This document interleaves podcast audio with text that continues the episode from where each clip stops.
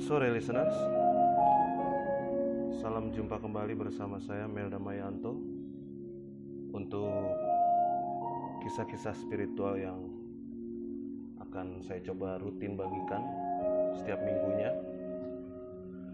Kali ini saya akan berkisah tentang seekor tikus.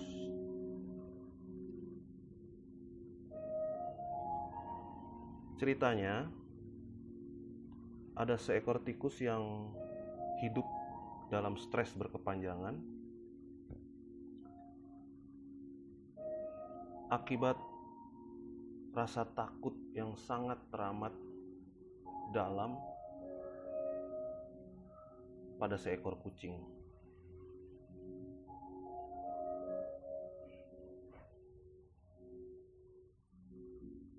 Hidup dalam rasa takut itu membuat tikus selalu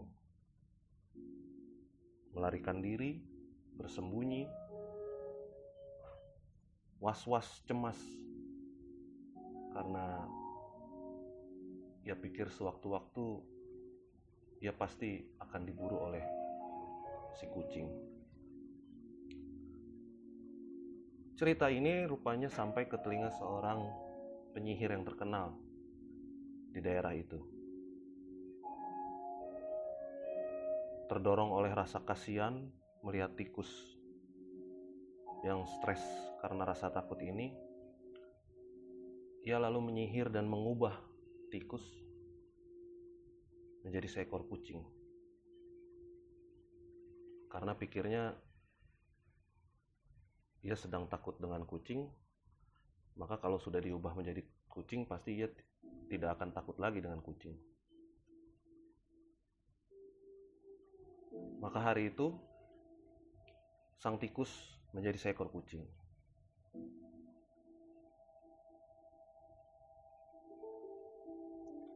Ia hidup sebagai seekor kucing, menjalani hari-hari baru sebagai seekor kucing. Tapi apa yang terjadi? Rasa takut itu belum hilang juga. Ia bukan takut dengan kucing kali ini, tapi ia takut dengan seekor anjing yang kebetulan berada di daerah situ juga. Stres lamanya muncul lagi, kambuh lagi. Kelakuan lamanya muncul lagi, yaitu selalu melarikan diri, bersembunyi, menghindari kenyataan, menghindari keramaian. Dan cerita ini didengar lagi oleh si penyihir. Kembali si penyihir merasa kasihan,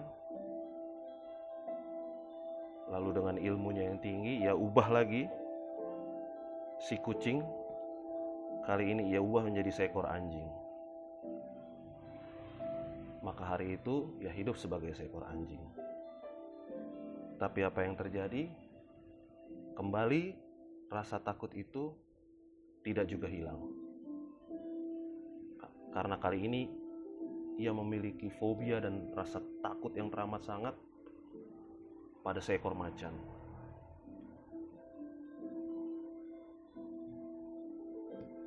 Sang penyihir kembali mendengar, dan lagi-lagi ia menolong dan membantu. Ia ubah dari seekor anjing menjadi seekor macan.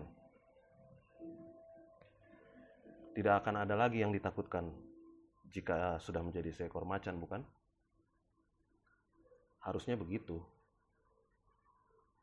Tapi apa yang terjadi ketika hidup menjalani hidup sebagai seekor macan?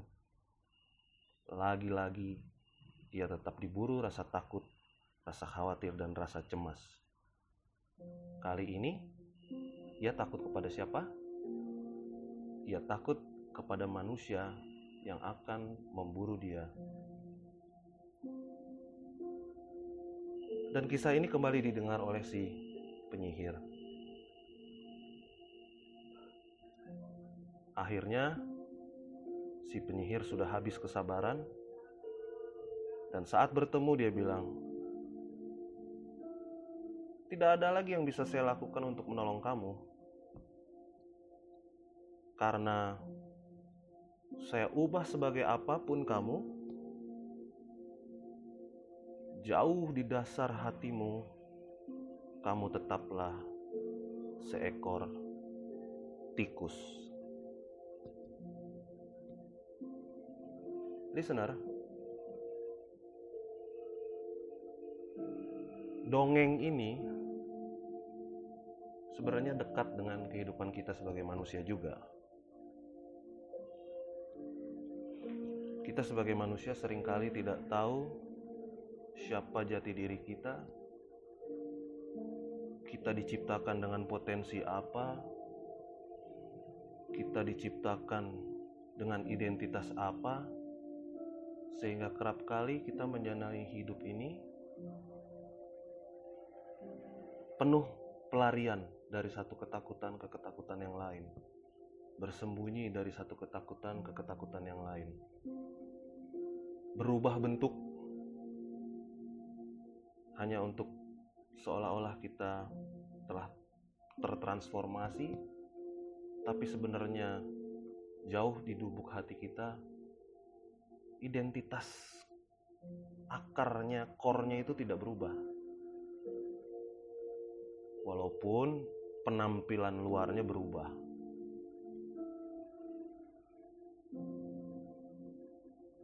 Tapi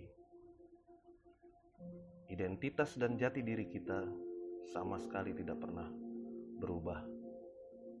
Sehingga pada akhirnya hidup kita selalu didriven oleh rasa takut. Alih-alih oleh rasa cinta kasih, alih-alih oleh rasa kepenuhan, sukacita, kegembiraan, damai sejahtera, kita malah menjalani hidup ini dengan penuh rasa takut. Karena kita takut neraka, kita berbuat baik. Karena kita takut hukuman, maka kita berderma, maka kita beramal. Karena kita takut ganjaran, maka kita menjalani serangkaian perintah-perintah Tuhan. Tapi intinya sama. Dari luar kelihatannya kita menampilkan sosok dan perilaku yang taat, ketaatan. Tapi sebenarnya di dalam hati kita yang mendorong itu semua, yang mendorong kita melakukan ini itu tetap saja adalah rasa takut. Listener yang budiman, tidak ada yang lebih penting daripada kita sebagai manusia untuk melakukan pertama-tama kali adalah mengerjakan inner work kita, mengerjakan segala sesuatu yang terkait di dalam diri kita, di dalam hati kita. Itu sebabnya momen-momen refleksi, reflektif, momen-momen meditatif itu sangat penting untuk kita lakukan secara rutin. Momen-momen masuk ke dalam hati, ke dalam batin kita adalah sesuatu yang sangat mendasar dan penting untuk kita lakukan sebelum kita melakukan hal-hal dan perkara-perkara yang lain. Kita mesti tahu dulu jati diri kita ini siapa. Siapakah saya?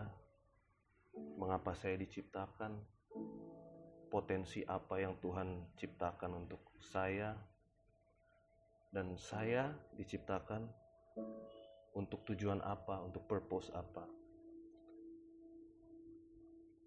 Segala macam pekerjaan-pekerjaan yang sifatnya inner tadi di dalam batin kita, di dalam diri kita harus kita lakukan dulu sebagai awal agar kita tahu dan bisa berbenah. Dan yang lebih penting dari itu semua adalah kita tahu ke mana arah tujuan kita dan siapa saya. Tidak ada yang lebih penting daripada itu. Semua perubahan-perubahan eksternal yang sifatnya metamorfose, metamorfosis, perubahan bentuk itu belakangan. karena dia nanti akan berjalan dengan sendirinya setelah inner kita berubah. Jangan kebalik. Kita sibuk mengerjakan hal-hal yang sifatnya kosmetik, yang lahiriah dulu. Merubah diri dulu, mengubah diri, mengubah tampilan luar, eksternal. Metamorfose, berubah bentuk. Cuma bentuknya aja yang berubah. Tadinya ulet jadi kupu-kupu. Tapi intinya innernya jiwanya masih tetap yang itu-itu juga nah dari cerita tadi dari dongeng tadi kita bisa belajar bahwa sebagaimanapun upaya kita mengubah-ubah tampilan luar kita keadaan eksternal kita semuanya tidak akan ada gunanya kalau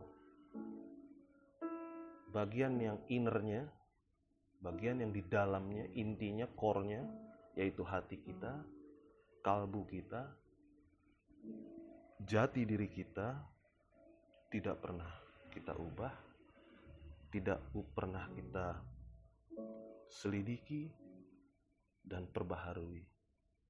Sehingga akhirnya kita sepanjang hidup kita kita terus hidup di dalam jati diri yang palsu di dalam identitas yang palsu dan semua jati diri identitas jiwa kalbu yang palsu itu hanya mengarahkan kita pada satu ketakutan ke ketakutan yang lain.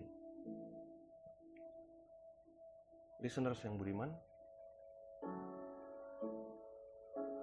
semoga dongeng singkat ini bisa bermanfaat buat kehidupan kita. Sampai jumpa kembali pada podcast simulakra berikutnya. Saya Melda Mayanto hanya untuk simulakra listener. Salam